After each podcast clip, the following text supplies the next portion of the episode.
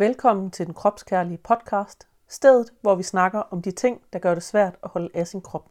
Jeg hedder Regina, og jeg er din vært. Denne episode er en del af serien Tyk og Mor, hvor jeg undersøger forskellige oplevelser i forhold til møderrollen og tykkhed. Hej Malene, velkommen til. Hej Regina, Vil du fortælle lidt om dig selv? det kan du tro. Jeg hedder Malene, jeg er 31 år gammel og bor et sted i, ja, i Jylland, Sydjylland. Øhm, og så er jeg uddannet antropolog og har to børn. Jeg er også gift med deres far, men altså det er jo, ja, jeg har to børn. Pyt med ham. ikke så meget. Men, øh, øhm, ej, ham vil jeg helst ikke være for uden. Men vi har i hvert fald øh, to børn sammen. Vi har Gry på 6 år, og så har vi Valter, som er 3. Mm. Ja. Og så er jeg tyk. Og så er du tyk. også Ja, lidt relevant at nævne. nu snakker vi trods alt om at være tyk og, og mødrerollen. Så. ja. Øhm, du har børn. Det har jeg. Ja, og du har øh, nogle gange fortalt mig historier omkring de oplevelser, du har som mor til de her børn, Ja, fordi at, at du er tyk. ja. Og noget af det har været for eksempel i forhold til det her med øh, at gå til sundhedsplejerske. Mm.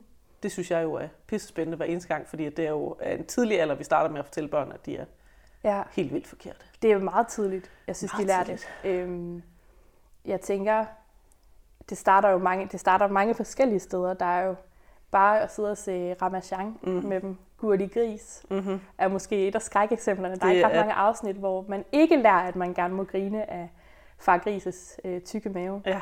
Så jeg har oplevet med begge børn, at det er tidligt, at de har lært, at man gerne må sige, haha, du har en, øh, en tyk mave. ja. Øhm, Og ud af det, hvis vi ser på Ramachan generelt, så er der jo ingen tykke mennesker på Ramachan, sådan cirka. nej. Så er der måske lige onkel Reje, der har en lidt rund mave, men, men det var cirka det, og han er ikke rigtig tyk. Ja. Så de ser ikke tykke mennesker på Ramachan, udover i situationen, hvor at vi griner af tykke mennesker. Præcis. Ja. Præcis. Og de ser det jo heller ikke portrætteret Nej. i bøger eller nogen steder. Men for at vende tilbage til det der med, øh, med sundhedsplejersken, så, øhm, så jo, altså jeg kan huske, kort efter vi var flyttet herned, så havde, så havde kommunen her en eller anden sådan screening ordning for, for små børn. Øh, og jeg tror, Gry var lige fyldt, øh, eller var omkring sådan to og et halvt år. Og der lavede de sådan en screening i forhold til, om, om børn kunne gå hen og, og blive tykke. øh, ved at måle deres BMI. Det er meget tidligt. Det er tidligt. Og Gry, øh, skal måske siges, altså, øh, har altid været meget glad for at spise øh, smør. Og det har ikke virkelig sådan, hej, må jeg få en ske med smør? Ja, værsgo. øh, og det har vi givet hende lov til, fordi hun så samtidig faktisk har været meget, meget slank. Øh, Og er det stadig. og er det stadigvæk. Høj og slank. Ja. Øh, og tager, vil ikke tage skade af at, at have lidt mere øh, på kroppen. Øhm. Og så sidder sundhedsplejersken der sådan helt troligt og taster de der tal ind øh, i computeren og konstaterer jo så, at hun ikke har et forhøjet BMI. Og jeg er sådan, hun er to et halvt, hun hopper rundt i stuen, og du kan kigge på hende, at hun ikke har et forhøjet BMI. Altså jeg forstår ikke helt, hvor det der det kommer fra. Øhm, og jeg går der ud fra, at, øh, at det er en screening, de har... De kendte jo ikke mig på det tidspunkt, jeg var lige flyttet herned. Ja. Ja. Jeg går ud fra, at det er en screening, de laver på, på alle børn øh, i kommunen på det tidspunkt. De har ikke lavet den på Valter senere hen. Øhm, så de er gået væk fra det igen. Ja, eller også har Men- det været noget forsøg, man har lavet, som den her kommune har været udvalgt til at, at være en del af. Det er jo også nogle gange, at man, Ja, at man gør det. ja muligvis. Øhm, det går jeg ud fra. Ja. Men, men det, var, det er bare sådan en underlig øh, oplevelse, det her lille barn, og du kan jo bare med dine egne øjne se, at der er ikke Det er et glad barn, der har det fint. Præcis. Ja. ja. Øhm, og senere hen har der jo så været, nu er hun startet i skole og skulle til sundhedsplejerske.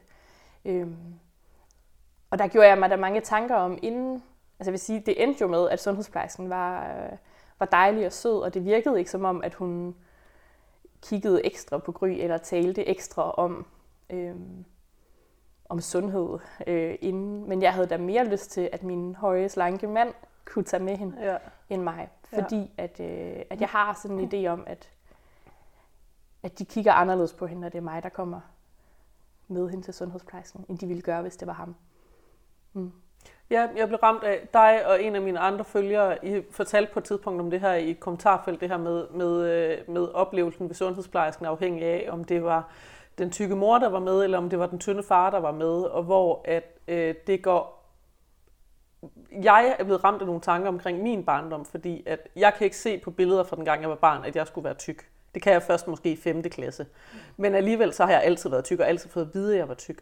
Og, og de kommentarer ramte mig med, gav vide, om jeg er blevet om voksne mennesker har besluttet, at jeg var tyk, fordi jeg havde tykke forældre. Mm. Om det er derfor, at jeg har fået at vide, at jeg var tyk. Selvom at jeg havde samme størrelse som, altså jeg var, jeg var både øh, højere og bredere end pigerne i min klasse, men jeg havde cirka samme størrelse som dreng. Ja. Og så er det jo interessant, hvorfor jeg bliver vurderet som værende tyk, og altid har fået at vide, at jeg var det. Ja. Jeg tror, øh, når jeg sådan kigger på de børn, min, sø- eller min søster, nej, min, min datter øh, går i børnehave, og har, altså, eller har gået i børnehave med, og går i skole med, så er det jo tit marginaler, der gør, om man, øh, om man ligesom kategoriserer det der barn som tykkere end det andet Ja. barn. Der skal ikke, altså når det er så små børn, så, så tror jeg ikke, der skal ret meget til, før man peger det ud som at være tyk. Jeg var heller ikke, altså jeg, når jeg kigger på billeder, så, så kan jeg faktisk godt se antydningen af ret tidligt, at jeg var tyk.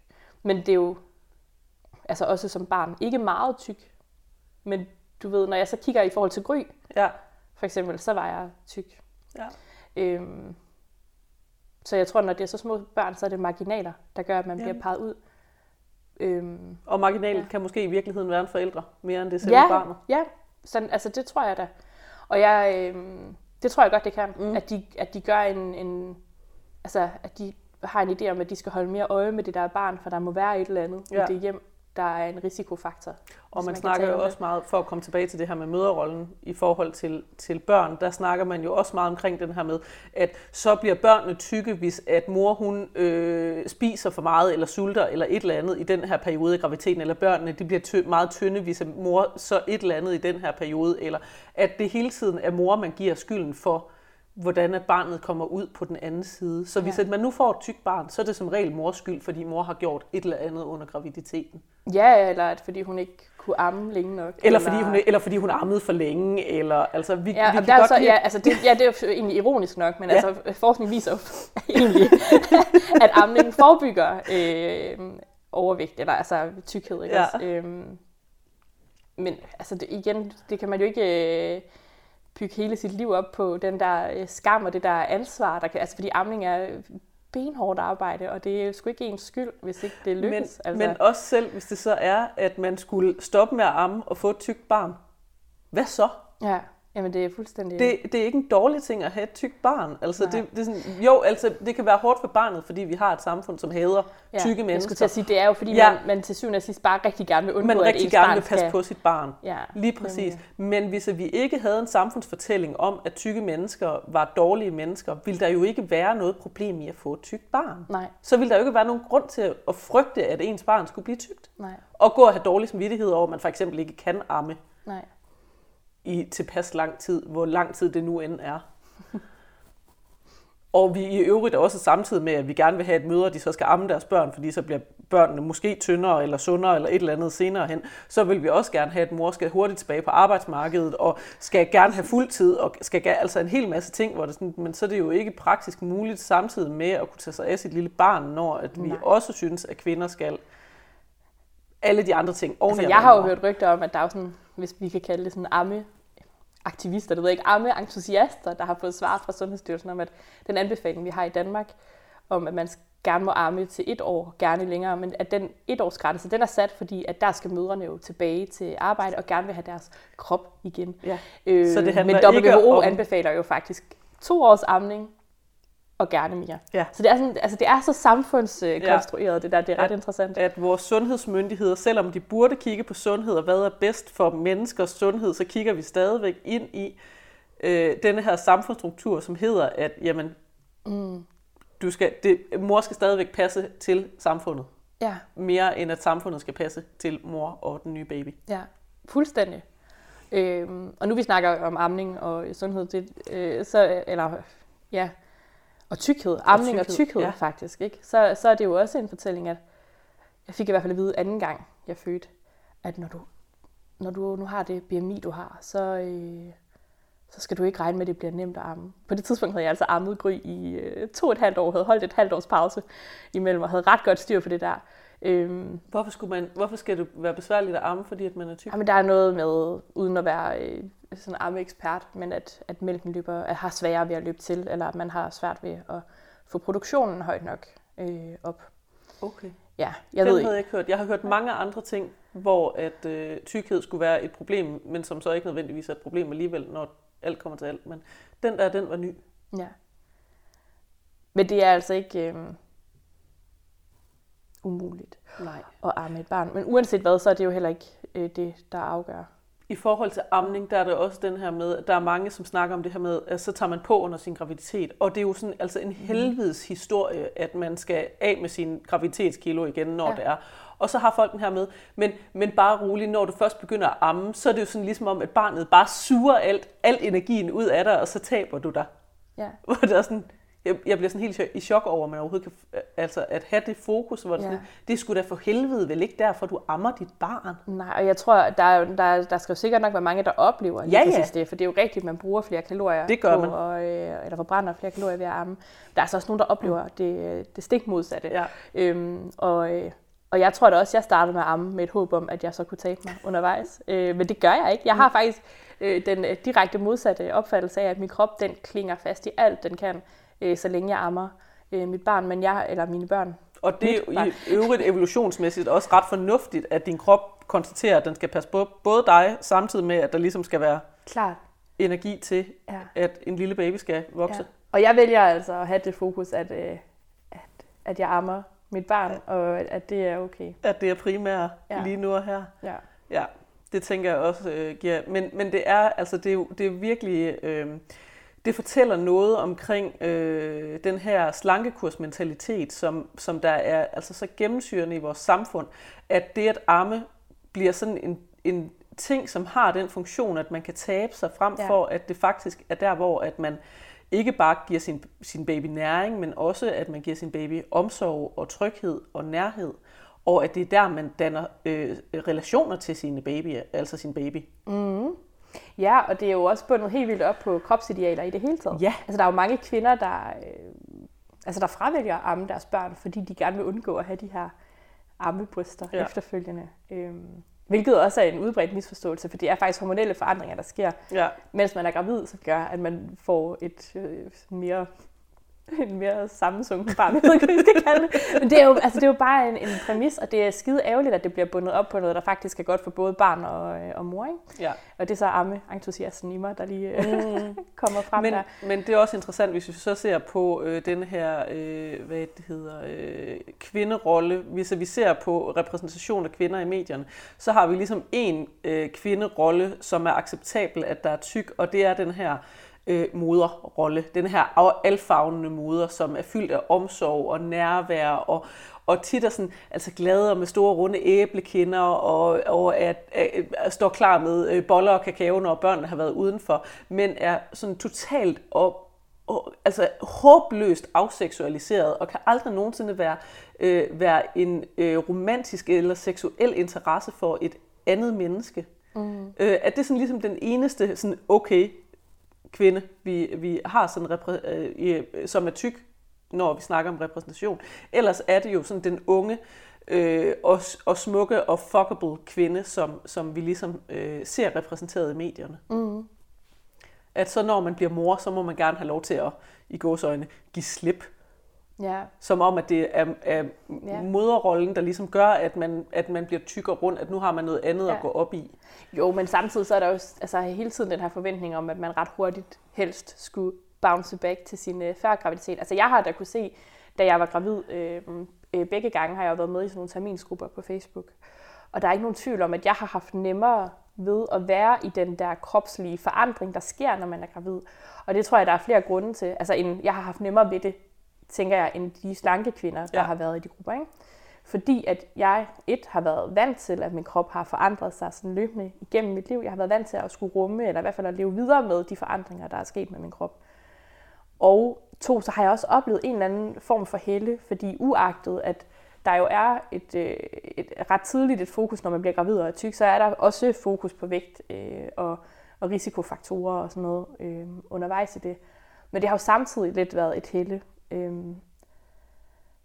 af, at, at nu var, min, nu var min mave i hvert fald rundt på en rigtig måde, altså på en acceptabel Ja.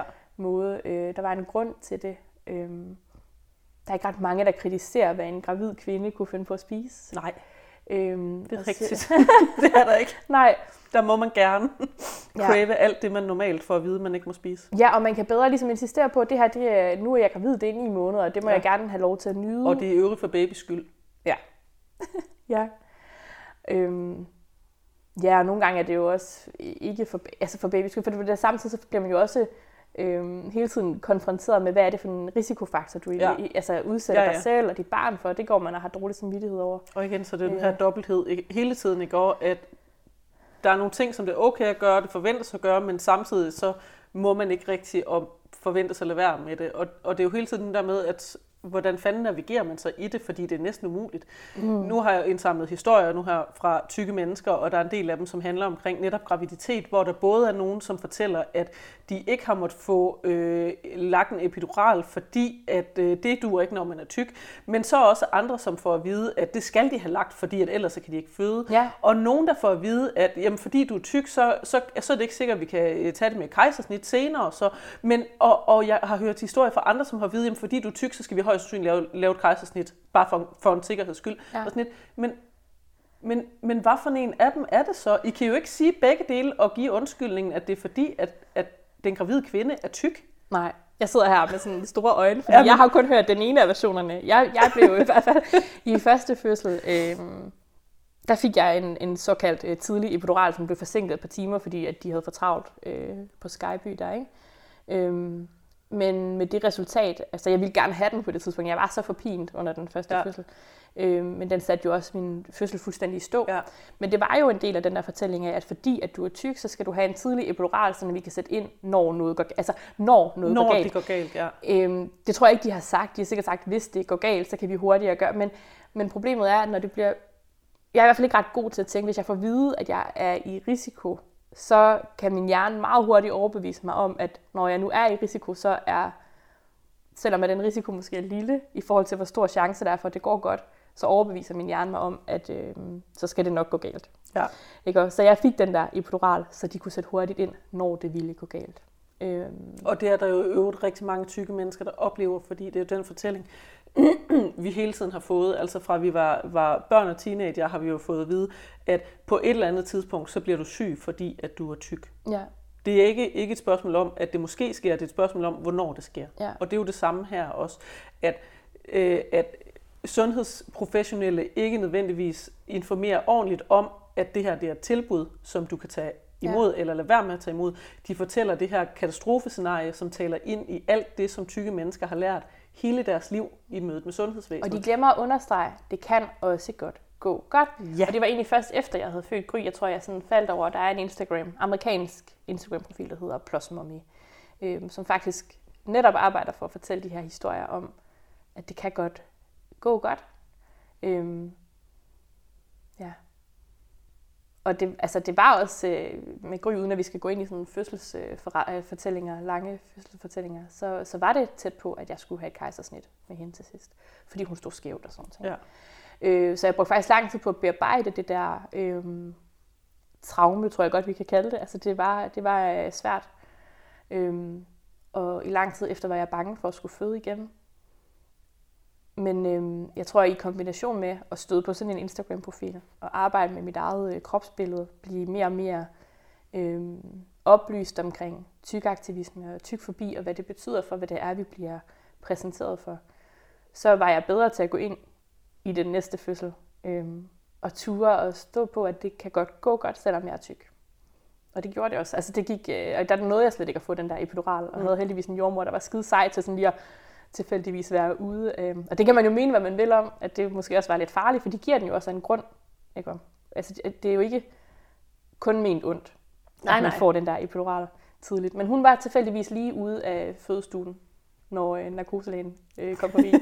ups, ups. Altså, Hov, hov. ja, hov, nå, den kan vi ikke give dig nu. Det er godt nok ærgerligt. Og så, øhm, ja, Men, men om, og man hører jo også, at det er noget, hvor at, at tynde kvinder fortæller jo gerne om den her epidura- epidural, at det er noget, de har aftalt på forhånd. Jamen, jeg vil gerne føde uden. Og så er der ikke nogen problemer i det. Nej, og det bliver overhovedet ikke Og præsenteret det bliver som et valg. ikke præsenteret, altså det bliver jo ikke for tykke mennesker, bliver det ikke præsenteret for et tilbud. Nej. Vi, det her det er et tilbud, du kan takke ja eller nej. Det Hvor- bliver sagt, sådan, det her det skal du netop fordi, ellers så går det galt. Ja, præcis. Eller når det går galt, så kan vi ikke hjælpe dig hvis. Nemlig. Og alle de her ting. Ja. Øhm, og det oplever, øh, det har jeg også hørt mere, flere historier omkring det her med den her øh, glukosebelastningstest, som man mm. får, når man er gravid. At så mange tykke mennesker har fortalt mig om den her test, hvor sådan, hvis man er tynd, så får man lavet den der test, og så siger de, "Jamen, det ser fint ud, det, er- det var det. Og hvis man er tyk, så bliver de ved. Der, der var ikke noget, vi prøver lige igen senere, fordi det må jo være der. Det Ja. må jo være der, det må jo være der, det må jo være der. Og folk får det ikke at vide, at det er et tilbud. Vi har tjekket dig, vi vil gerne holde, være sikre på, at du er, går, har det godt, og din baby har det godt. Så det er et tilbud, at du kan få lavet den her belastningstest igen. Det får man ikke at vide. Man får at vide, den skal lige laves igen. Jeg tror ikke, tynde kvinder får den læge ved, uden at de har en risikofaktor først. Nej, det kan godt være. Ved lægen måler de, om der er sukker i dit... Øh, altså, hvad sukkerniveauet er, når du laver en urinprøve, Ja. tror jeg. Jeg er ikke ekspert, men de, de tjekker ja. sukkerniveauet. Ja, men det er rigtigt. Der kan man måle på en urinprøve. Ja, og hvis den bonger ud, så, så får du lavet sådan en test der, uanset om du så er tyk eller, eller Ja. ja. tynd. Men det er rigtigt, hvis du som tyk kvinde, kom, når, når du som tyk kvinde og gravid kommer til lægen, øhm, nu tog jeg lige mig selv i. Nej, nå, det er lige meget. Når du kommer, når du så kommer til lægen, ikke? Øhm, og enten altså, at du er tyk, eller har nogle risikofaktorer, ja. øh, andre risikofaktorer, så, så kommer du op og får lavet den der test der. Ja. Øhm, og jeg får helt kvalme bare ved at snakke Ja, men det er jo det, at så kigger man jo på tykkhed som en risikofaktor. Ja. Vi ser ikke på, hvorvidt at tykke mennesker er sunde og raske. Vi kigger på deres kropsstørrelse og siger, du er en risikofaktor. Mm. Jeg kan se det på dig. Ja. Og man kan ikke se på folk, hvor sunde eller usunde de måtte være. Nej. Nej, og det er jo svært at sige nej til det der, fordi hvis man ikke er, når man ikke er uddannet inden for det sundhedsfaglige, øh, og eller ved nok om, hvordan tykke bliver behandlet i sundhedssystemet, men så, altså man, man siger jo heller ikke nej til sådan en test. Fordi hvis det er en risiko, hvis man går rundt med uopdaget graviditetssukkersyge, så er det jo alvorligt. Selvfølgelig vil man gerne passe sig godt på sig selv, og ikke mindst øh, sit barn som overhovedet muligt. Ikke? Men det er Ja, rigtigt, det bliver, det bliver ikke præsenteret som noget, man kan tage et valg om og sige nej til, hvis ikke man har lyst. Det gør det ikke. Det var i hvert fald ikke min pakken. oplevelse af det. Ja. Ja, det er nemlig også, det er også det, jeg har hørt det her med, at det nu, med den kropsstørrelse, du har, så ser tilbuddet sådan her ud. Ja. Altså det her, det er den pakke, du får. Men, men selv der må man jo stadigvæk gerne vælge, den der, den vil jeg ikke have, og den der, den vil jeg heller ikke have. Mm. Det er stadigvæk en som gravid, der har retten til at bestemme over sin egen krop. Mm. Og det er der bare rigtig tit. At, og jeg tror ikke nødvendigvis, at det er nogen ond mening, og det er ikke fordi, vi har også bare et sundhedsvæsen, der er super presset, og ikke nødvendigvis altid får fortalt alt det her omkring, at man faktisk som patient skal give samtykke til den behandling, man får. Og at det er tilbud, der bliver givet, men det er bare ikke godt nok. Specielt fordi, at det her overgreb bliver begået mod tykke mennesker igen og igen og igen. ja. Og det er sikkert, altså, og det kan da godt være, at det er blevet fremlagt som noget, der var et valg, men du er inde på det, hvis man igen og igen og igen bliver mødt med, at, øh, at tage nogle særlige forholdsregler, fordi ens krop er, som den er, så hører man det sikkert ikke som et valg. Man oplever ikke det. Og jeg vil sige, at nogle af de historier, jeg har fået fortalt, er også, hvor jeg tænker, der har ikke, altså, det, det har været voksne mennesker, der har fået skældt ud for ikke at ville gøre, som der blev sagt. Ja. Ja. Wow. Så har man altså ikke et valg, hvis man bliver skældt ud for ikke at træffe det rigtige valg. Nej. Og det er det, tykke mennesker, de oplever i sundhedsvæsenet, og også ja. Andre steder i øvrigt. Altså jeg synes overordnet set, så havde jeg nogle, nogle fine graviditeter. Der har været nogle enkelte sådan oplevelser med en jordmor, der var frustreret over, at hun ikke kunne komme ordentligt op og sidde på briksen, når jeg lå der, øh, og ikke kunne komme til at scanne ordentligt. Vi skulle tjekke, hvor stort, øh, hvor stor Gry var på det tidspunkt. Ikke? Øhm, jeg var sådan, jamen undskyld, jeg ligger her jo bare. Jeg kan jo ikke, jeg kan ikke, altså, det kan jeg jo ikke gøre for. Og hvorfor skulle hun i øvrigt sidde på briksen? Kunne hun ikke bare tage en stol ved siden af? Jamen, jeg ved det ikke. Det har sikkert haft noget med højde Ja, ja, og arbejdsstilling at, at gøre. Ikke? Men det var i hvert fald ikke, det er ikke særlig sjovt at ligge der og, og få skæld ud, eller altså sådan at få i tale sat noget, man, man vidderligt ikke kan gøre noget ved.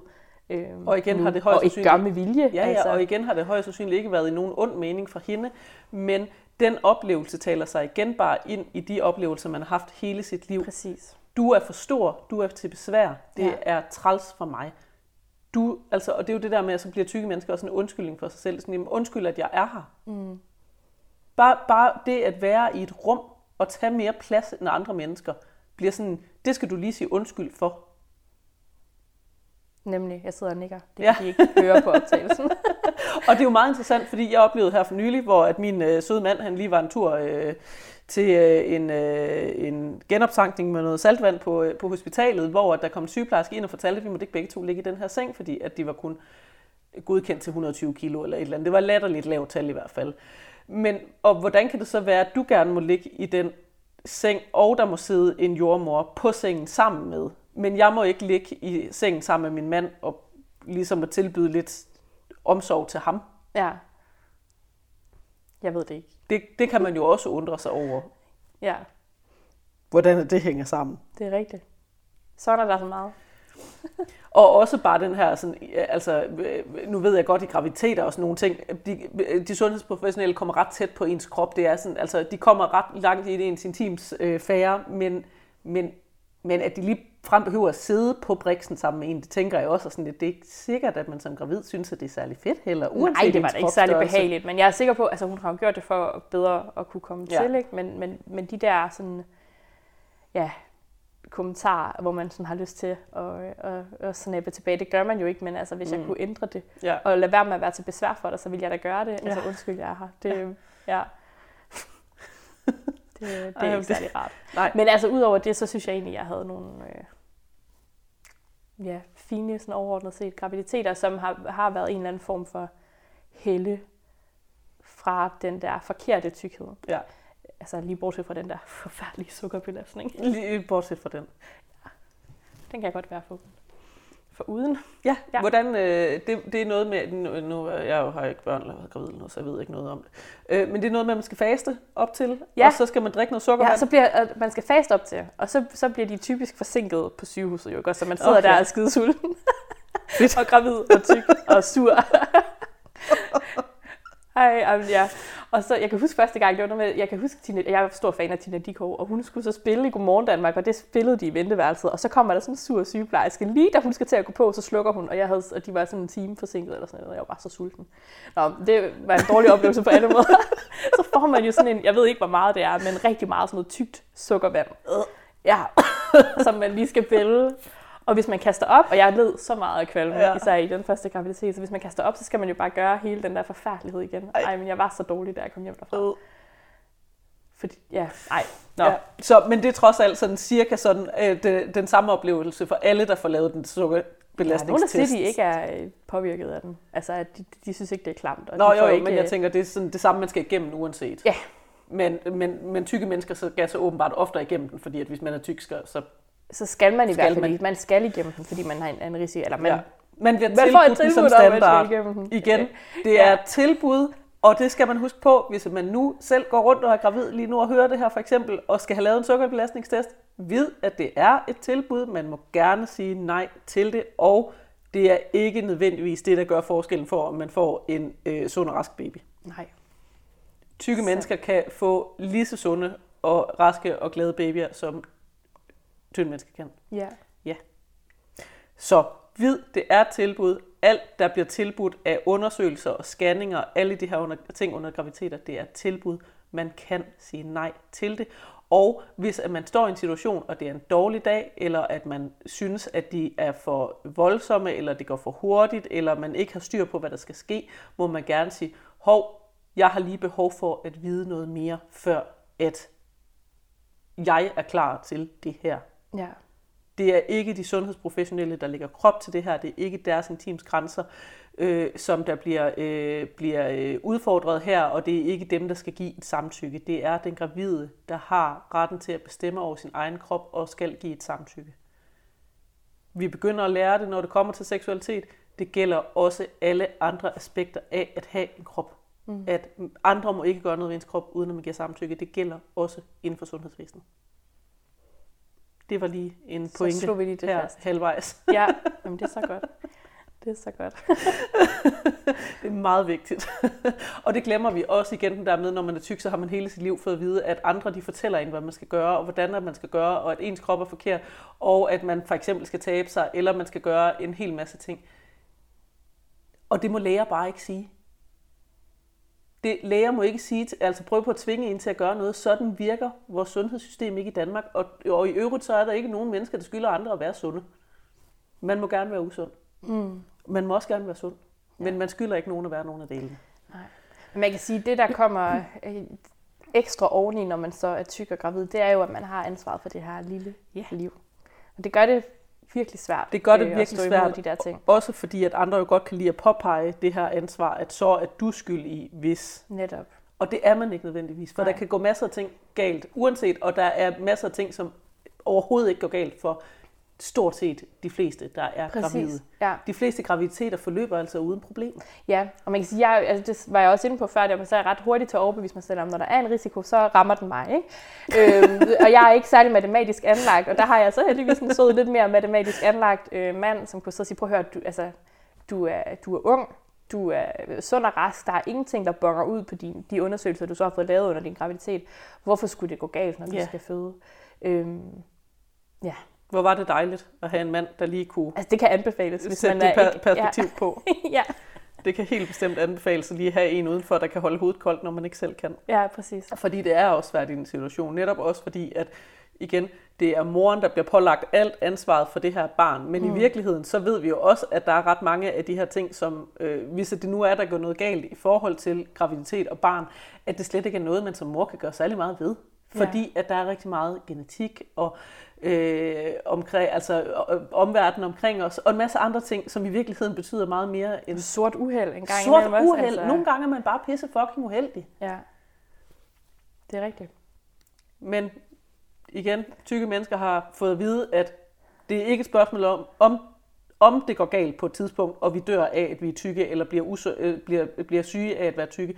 Det er et spørgsmål om, hvornår det sker. Ja, og når det sker, så er det også vores egen skyld, ikke? Altså, og når vi det er- sker, er det vores egen skyld. Ja, Og hvis det så ikke sket, før man bliver gravid, så, er det da, så kan det da ske, når man bliver gravid. Mm. Det er da klart. Og, og så sker det jo ikke kun for en selv, så sker det også for ens barn, hvis det er. Altså katastrofetanker lige der, som man har lært siden ja. man var, gik, gik til sundhedsplejerske i er folkeskolen. Altså, I mange år var jeg da overbevist om, at når jeg, når jeg så ville blive gravid, så ville det heller ikke kunne lade sig gøre, og så skulle jeg igennem den der skrækkelige mølle, vi hører om øh, med læger, der ikke ville indstille mig til fertilitet. Altså, jeg, jeg havde været hele den der tankemølle igennem, om at så ville, hun, så ville min læge ikke indstille mig til fertilitetsbehandling. Hun ville garanteret knap nok undersøge mig, før jeg har tabt mig. Og, øhm, altså hele den der sådan, katastrofetanke. Og så var jeg så privilegeret og skide heldig, at det slet ikke viste sig at være et problem.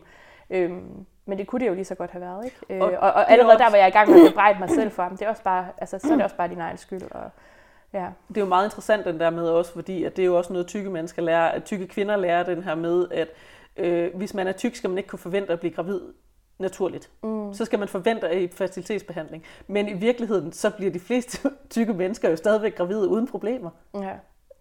Så den der med, at man allerede, selvom man, man er sund og rask, og man ikke har forsøgt på at få børn endnu, at man er så klar til at skal have fertilitetsbehandling, er jo også en del af den her fortælling i samfundet, at tykke mennesker er, jamen altså man er usund, fordi man er tyk, man kan ikke, altså det er jo, det er jo sådan næsten en unaturlig tilstand, hvor man ikke engang kan blive gravid, fordi at man er tyk. Og så derfor så kan man lige så godt forberede sig på at skal have fertilitetsbehandling allerede, inden man overhovedet overvejer at skal have børn. ja. Og, og, og der er bare så mange af de der ting, hvor det er sådan lidt, men hvorfor skulle man have fertilitetsbehandling, bare fordi, at, at man er tyk? Ja. Man kunne godt fortælle en historie, hvor man lige kunne prøve først, i hvert fald. Ja, og se, om det... inden, altså, inden at man bliver ramt inden af katastrofetankerne. inden man er i gang med det der sådan, tankehjul, der Ja. ja. bare spiller dig ud af. Ikke? Ja, lige Ja. præcis. At, øh, og jeg tænker, i virkeligheden, så er det måske også noget, at det, der hænger sammen med det her med PCO, øhm, at, at der er mange, som får fertilitetsbehandling, som måske har PCO, og at øh, hvis man har PCO, så er man oftere tyk. Mm.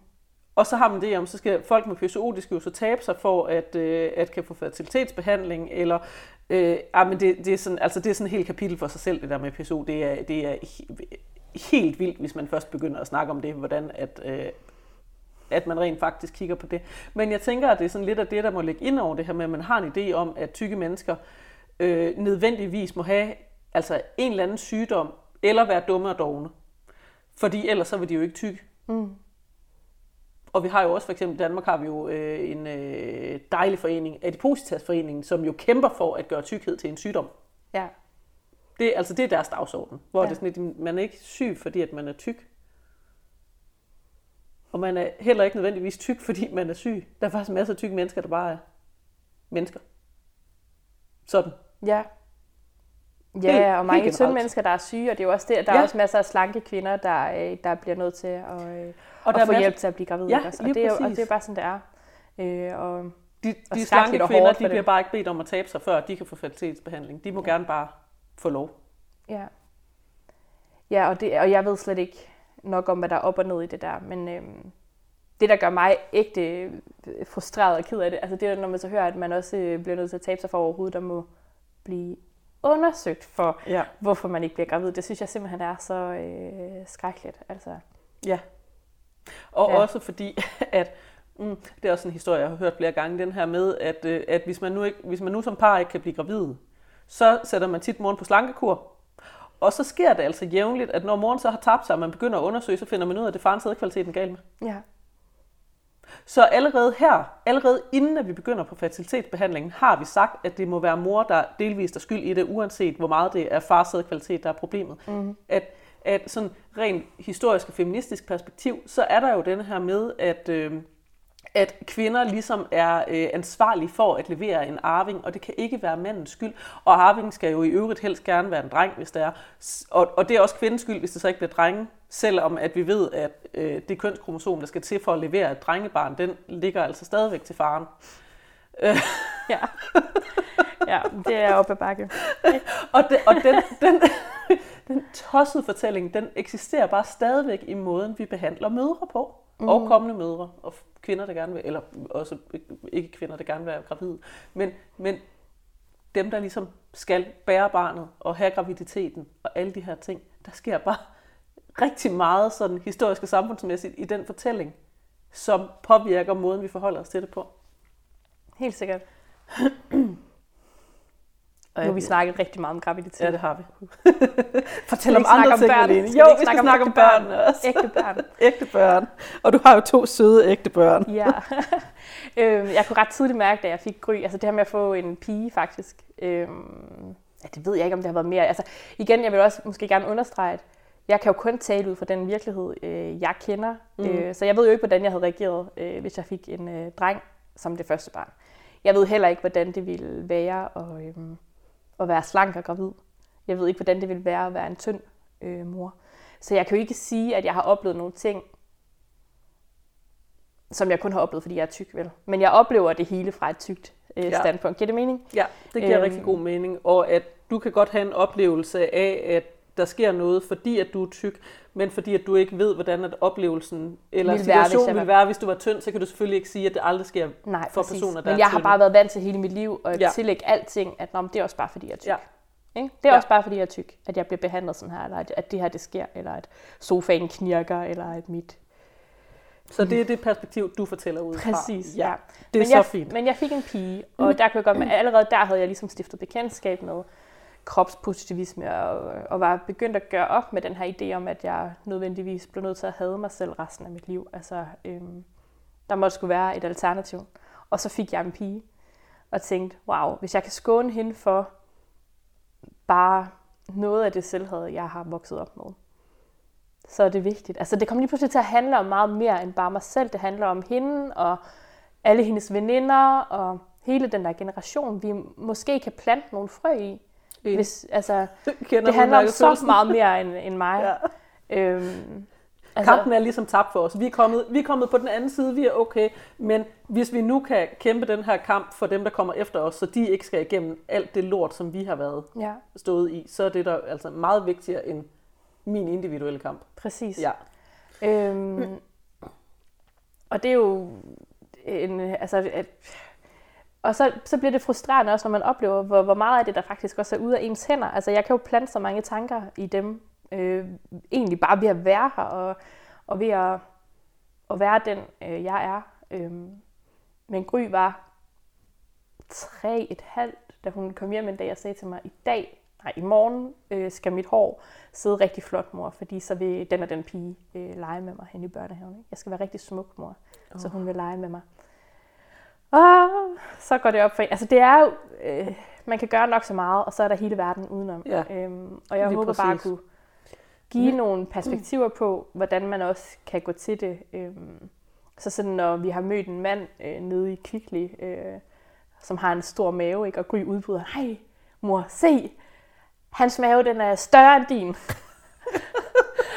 og, og, og man reagerer ret sådan, øh, prompte ved at tænke, åh, det, det, det skal du ikke. Det, altså, det har vi jo lært, det skal man jo ikke sige, vel? Og er han okay og, med at få påpeget sin tykkhed? Det er jo nemlig det. Det ved vi jo det, ikke, det, det, selvom at vi er okay med vores præcis. tykkhed. Men jeg sagde øjeblikkeligt til hende og prøvede at lade være med at dæmpe min stemme. Fordi hvis han nu havde hørt, at, at hun havde sagt det, og han var blevet ked af det, jeg skyndte mig at sige til hende, det kan jeg godt se, skat, jeg har set ham. Synes du ikke også, han ser rar ud? Altså lige sådan for lige at, at, at tage det der... Hmm, altså jeg synes, det er, det er svært, ikke? Fordi jeg har det også lidt sådan, at har jeg nogle gange så meget fokus på at gøre tyk, tykkhed okay, at de godt lægger mærke til, at det er noget andet end, al, end almindelige mennesker, siger jeg lige i gåsøjne, ikke også? Altså, øhm, kan du følge mig? Ja, men det kan jeg godt følge. At, øh, at man vil jo ikke pege på øh, en, der var sådan altså konventionelt øh, kropsstørrelse og skønhed, og så sige, se, ja. ham han er helt almindelig. og rar. ja. Ikke? Altså, men i altså- hvert fald lige sådan at prøve at pege på noget andet, men, så hun men så tænker, noget mere end bare... Og det synes hun jo. Hun synes, han så rar ud. Ja, jo, han ser men, helt sød ud. Øh, altså. Ud fra sådan øh, et aktivistisk perspektiv, der tænker jeg jo, at, øh, at det er jo meget det her med at tale ind i, at, øh, at at tykke mennesker også er hele og komplekse væsener. Ikke? Ja. Og at han, han er jo ikke kun sin tykkhed, han er mm. også måske en rar mand, det ved vi ikke. Han ser rar ud i hvert fald. Ja og, eller at han kan være en klog mand, eller en sej mand, eller en masse andre ting. Og især piger lærer jo det her med, at vi er vores udseende først. Ja. Så kan det godt ske, at vi har andre ting, men vi er primært vores udseende. Mm. Og det er jo igen den der med, med, med repræsentation af tykkhed og moderen som værende den her ene okay måde for kvinder at være tyk på, det er, hvis man er en moder og helt afseksualiseret. Hvor at når man er kvinde, skal man gerne være smuk og sexet. Og jeg oplever også min niece allerede. Hun er også 6 år gammel og er den her med, men jeg skal være smuk. Ja. Men hvorfor skal du det? Ja.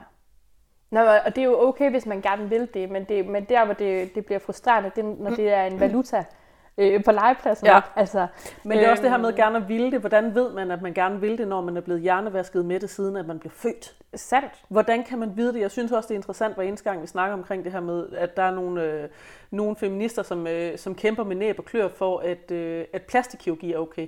Og altså, jeg er øh, all in på øh, det individuelle valg, og man må få alt det plastikkirurgi, man gerne vil. Men jeg synes bare, det er interessant, hvordan at plastikkirurgi altid går i retning af det konventionelle skønhedsideal. Hvordan kan du vide, at det er dit helt eget individuelle valg, når du stadigvæk vælger det samme som alle de andre? Mm. Jeg synes, at det er, øh, det er svært, hvordan at man kan sige, at det her det er helt mit eget frie valg, fordi man er stadigvæk formet af den kultur og det samfund, og den historie, som man er en del af. Det er jo ikke bare noget, der er sket, mens vi har været i live. Det er jo flere århundreder, der, der har gjort, at vi er endt her, hvor vi er nu. Mm. Rent kulturelt. Ja. Jamen, og hvordan kan man så vide som lille pige, at jeg vil gerne være smuk, fordi at det synes jeg er godt. Ja. Men hvorfor er det godt? Ja.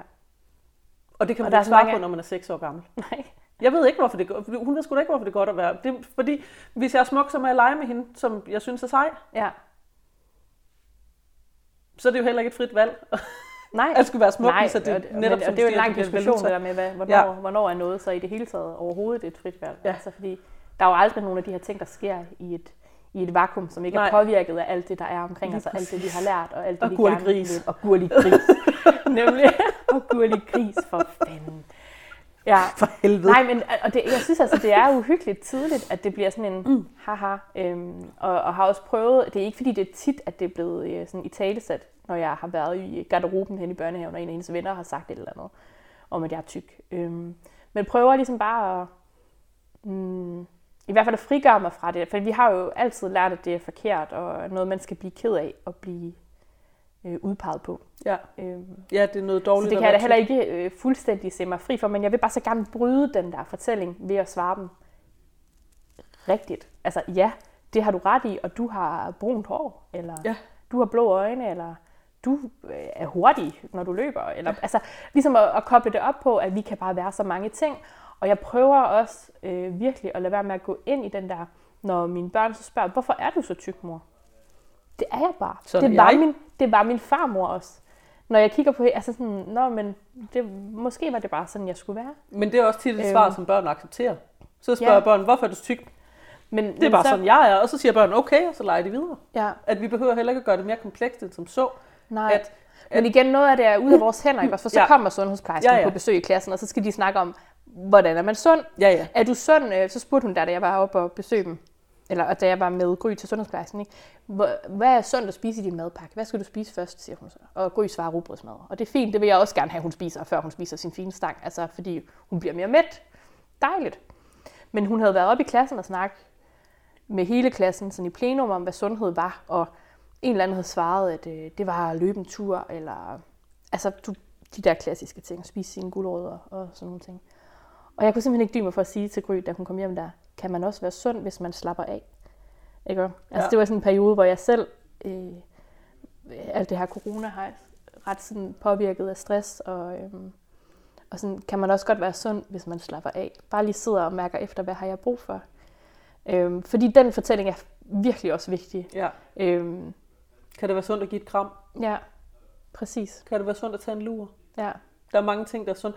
Og det er jo også interessant det her med, at man allerede så tidligt begynder på den her sundhedsdiskurs, som jo, og at, at fortælle til børn, selvom vi jo ved, at voksne mennesker kan fandme ikke engang finde rundt i det her. Hvis man spørger voksne mennesker, hvad sundt er, så bliver det netop sådan noget fluffy noget som, jamen det er sundt at løbe en tur, eller det er sundt at spise rugbrød, eller det er sundt at spise mange grøntsager, eller det er sundt. Og, og, så, og så hvis man kigger på, om de praktiserer alt det her, de selv mener er sundt, så gør de det højst sandsynligt ikke, fordi de kan overhovedet ikke overskue det. Og folk ved ikke, hvad sund i virkeligheden betyder. Nej. Og, og så bliver sund sådan en, altså en enhjørning, som render rundt ude i en magisk skov, som man aldrig kan fange. Ja, og hvor man bliver bange for at gøre alle mulige ting, eller spise ting, eller man bliver bange for at lade være med at gøre nogle andre ting. Og, altså den der sådan, øh, frygt og skam, der kan være forbundet med det. Altså, også når jeg har været ved, ved lægen, og de, altså jeg har en god læge nu, der ikke ret meget påpeger, at jeg burde tabe mig. Men en gang imellem bliver det jo alligevel antydet, ikke også? Og hvor jeg sådan åbent og ærligt har sagt til hende, jeg ved ikke, hvad jeg skal gøre. Øhm, fordi jeg vil så nødigt komme til at at- at give dem nogle, nogle uhensigtsmæssige vaner, eller se nogle ting. Altså, jeg kommer ikke til at leve en halv dag af, af Nupo shakes, øhm, fordi så ser de, at mor er tyk, ergo fortjener hun ikke at spise, Ja. ligesom os andre. Det vil jeg Eller simpelthen ikke. Nej, altså øh, nogle dage, Jamen, jeg ved det ikke. Altså det der med, man skal jo gøre, hvad man har lyst til, og hvis det hjælper en at få lavet en operation af maven og sådan noget, men jeg, jeg kan slet ikke, den der tanke om, at jeg så kommer hjem fra sådan en operation, og kun må spise en deciliter øh, mad, at de skal se på det. Mor var så tyk og forkert, at hun har fået skåret sin mave væk, og nu må hun kun, altså kan du følge mig? Åh, jeg, Men vi Ved ved bare- jo også, at folk, der for eksempel mister lugtesansen eller smagsansen, oftere får depressioner og Ja. dårligt mental helbred. Det her med at spise er jo i virkeligheden en meget, meget stor essentiel, essentiel del af at være menneske. Og, og det er altså det er øh, to af vores øh, øh, primære sanser, der ja. Sidder i, øh, i oplevelsen af mad for eksempel. Så at fjerne den er bare noget, der påvirker os helt vildt meget. Mm. At man kun må spise en lille mængde, eller man må aldrig spise, til man er tilfreds og glad. ja. At så kan man måske spise til, at det er ubehageligt. Men man, man får aldrig den der sådan, mm, mm. Nu, nu har jeg det godt. Ja. Altså, jeg ønsker virkelig at lære dem og bare ture være med det. Ja, Øhm, det kan jeg godt forstå. ja.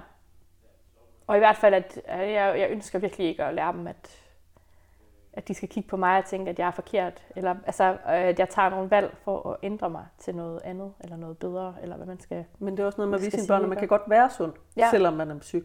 Men også at lære sine Eller at man børn, kan være elskelig og værdig, Ja, uanset om man er tyk eller, præcis. eller, øh, eller sund eller, eller usund. usund. Lige, præ- jeg skulle lige til at sige, Altså- at og selv det, hvis det så er, at man ikke kan være sund, så er man stadigvæk et godt og et værdigt menneske, mm. som fortjener respekt og kærlighed. Ja. Fordi vi skylder ikke nogen at være sunde, og rigtig meget af det, som i virkeligheden påvirker vores sundhed, er ting, som vi slet ikke kan gøre noget ved. Så kan vi godt spilde vores liv på at tvangstræne og sulte os selv, og en hel masse andre ting, men hvis det ikke gør os glade nu og her, hvad fanden skal vi så bruge det til? Mm. Jeg vil til enhver tid hellere tage øh, en lur, mens jeg ligger flettet ind i en veninde, end jeg vil løbe en tur, som jeg synes er forfærdelig. Ja. Fordi jeg tror på, at det er sundere for mig at tage en lur, mens jeg ligger flettet ind i en veninde. Mm.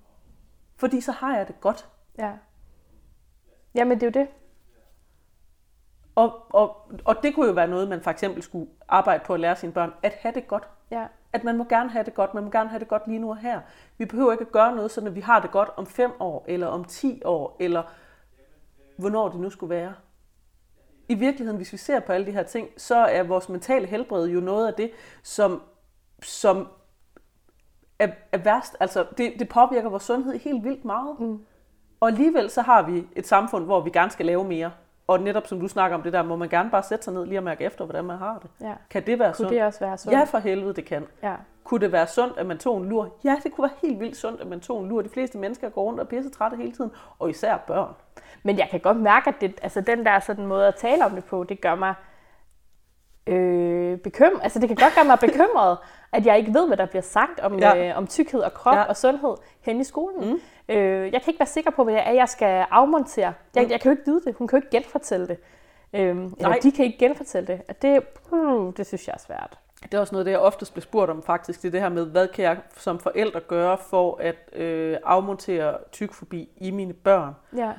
Og hvor at, altså det, det, det første svar er jo at arbejde med, med det i dig selv. Ja. Fordi du kan ikke afmontere noget, som andre lærer dine børn, hvis at du ikke selv har fået af, altså afmonteret. Mm.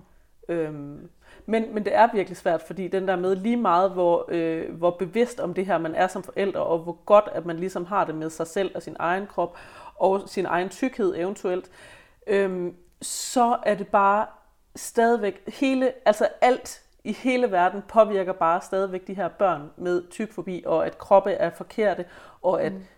at mad er farligt, og at øh, motion er godt, uanset hvor lidt man har lyst til det, og alle de her ting. At der er bare så stærk en fortælling, at, at og igen, vi At lever smukhed ikke i, er godt. og Det er noget, man kan godt. forhandle ja, med, ikke? lige præcis. Altså, og vi lever ja. ikke i det her vakuum, hvor at Nej. man som forældre bare kan sige, nu er det mig, der bestemmer, hvad du skal lære. Nej, det gør man nemlig Og, ikke. og børnene skal stadigvæk lære at omgås andre mennesker i en verden, som er tykfobisk. Mm.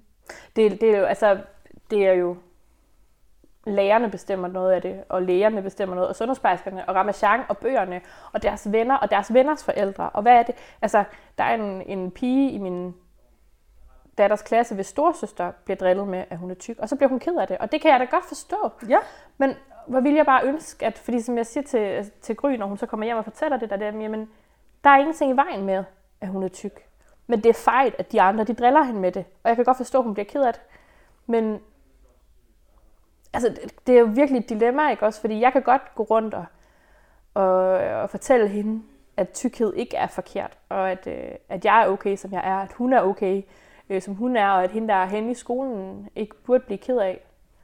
Men det hjælper Men der bare ikke burde noget, bare hvis ikke man være stadigvæk bliver drillet med det. Nej, præcis. Fordi alle andre fortæller stadigvæk en, at man, er, altså at man selv fortjener at blive drillet, fordi at man er tyk. Nemlig. Så, så selvom man som forældre ligesom formår at afmontere det her, så vil børn stadigvæk helst ikke være dem, der bliver mobbet. Nej, nemlig. Selvfølgelig. Selvfølgelig, Og- det vil vi andre heller ikke. og, dem, der, dem, der mobber, vil heller ikke være, ja, de vil ikke være dem, der mobber, de vil helst heller ikke være dem, der bliver mobbet. Nej. Der er ikke nogen, der har lyst til at mobbe andre. Det er ikke sådan, at verden hænger sammen. Den der bølle-ting, vi har fra, fra, øh, fra amerikansk øh, tv, det er ikke sådan, at mobning fungerer.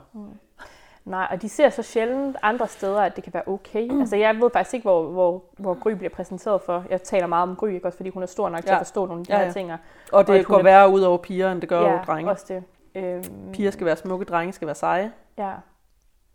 Øhm, de ser jo meget sjældent, at det kan være okay. Jeg prøver at vise hende, at det kan være okay, men der er jo også tilfælde, hvor det ikke viser sig at være okay. Altså når jeg tager dem med dem i Legoland, og, øh, og har faktisk en gang oplevet, uden at vi skal tale for meget om det, for så begynder jeg sikkert at tude af frustration, men fordi det er skide svært at stå der ved en forlystelse, man faktisk ikke kan gå med dem op i. Og hvordan forklarer man dem det? Ja. Øhm, Og Legoland er slem. Ja, og, og, og der står lige den her specifikke situation ikke, med en dame, der siger, jo jo, du kan sagtens være her, og ender faktisk med at må sende mig ud af forlystelsen igen, hvor jeg siger, men, men må hun så blive her eller hvad? Ja. Og så må jeg stå og hele den her forlystelse har set mig blive smidt ud igen. Ikke? Ja. Hvordan forklarer man bagefter?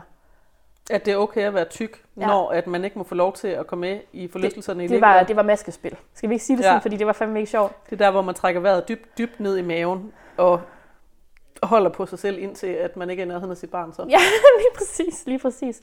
Men hvorom alting er, det er jo bare, altså det er jo et sæde, der er blevet designet til, og jeg kan ikke passe. Og det er bare faktum, jeg kan ikke passe ind der. Så må hun køre i den selv, nu er hun så stor, eller med sin far, ikke? Og så må det være sådan der. Og det gør mig jo ikke til en dårligere mor. Ja, det er ærgerligt, at jeg ikke kan være med i nogle af de der Og situationer. det er det kan lidt, da godt ærge mig. af, sjove ting og sjove Den oplevelser er i så sin sjov, er den ikke. Jeg får det Nej, virkelig nej, dårligt jo, af jo, men- men, altså, men, men, ja, men, men jeg kan så mange andre ting. Ja. Det kan da godt være, at jeg ikke er den hurtigste til at rende rundt og spille fodbold. Jeg har også en gammel ankelskade, som kan forklare noget af det. Det er jo ikke alting, der er skyld, altså Nej. hvor det, er- hvor det er min tykkhed, der er skyld, at jeg ikke kan være med. Jeg kan være med til så mange andre Ja. ting. Øhm, jeg er skide god til at tegne med dem, og undres med dem, og læse bøger med dem, og altså sådan at gå nysgerrigt ud i verden Ja. og, og stille spørgsmål til, hvordan ting hænger sammen, og hvordan kan det være. Og, øhm, og det synes jeg da måske er lige så vigtigt som at kunne lære dem at spille fodbold. Absolut. Øh, altså, så, så kan vores, man jo nogle vores samfund er også besat af fodbold. Det undrer jeg mig også altid over. Hvorfor ja. det er, at alle skal kunne spille fodbold. Det er sådan en vigtig ting at kunne med sine børn. Og sådan. noget. Børn kan fandme selv gå ud og sparke til en fucking bold, hvis det er. Ja. Det behøver de ikke en er voksen ikke, til. er ikke, og det er ikke det vigtigste, vel? Altså, det Nej, er fint, at det der er er, det nogen, der ikke. går op i det. Vi andre, Ja, ja. kan noget andet. Vi andre kan noget Dejligt. andet. Men de oplever jo ikke ret tit den her i orden øhm, portrættering, eller hvad vi skal kalde altså repræsentation. Ja. Øh, her den anden dag, så ville hun tegne et virkelig fint sådan, familieportræt øhm, af min søster, slanke søster, der er gravid nu. Det er virkelig dejligt. Øhm, og sådan, og, os alle sammen. Og da hun så skal til at tegne mig, så spørger hun, men mor, hvordan skal jeg egentlig tegne dig? Det har hun aldrig spurgt mig om før. Hvordan skal jeg tegne dig? Du Ej, er jo tyk. spændende. Du er jo tyk. Og så spørger jeg hende, jamen er der ikke plads til mig? Eller sådan, jo, jo hvis du kan være herovre, så, så tegner du mig bare. Jamen, du er jo tyk, må jeg godt? Altså sådan, så lå det sådan implicit, må, jeg godt tegne dig det? sådan? Ja, selvfølgelig må du. Altså, du skal jo bare tegne mig. Og det kan da godt være i en eller anden ideel verden, at jeg ville ønske, at hun ikke var nødt til at tegne mig som tyk, men det er hun jo nødt til. Det Det er jo sådan, du det er ser sådan ud. jeg ser ud. Og det bliver vi bare... Øhm, selvfølgelig er det okay, hun tegner mig, som hun synes, jeg ser ud. Det er faktisk Men hun, meget sjovt. hun bad faktisk om tilladelse det til. der, det giver jeg faktisk, hver eneste gang jeg er ude som krokimodel, det giver jeg faktisk tilladelse til. Jeg siger Ej, eksplicit, tegn mig nu, som jeg ser ud. Fedt.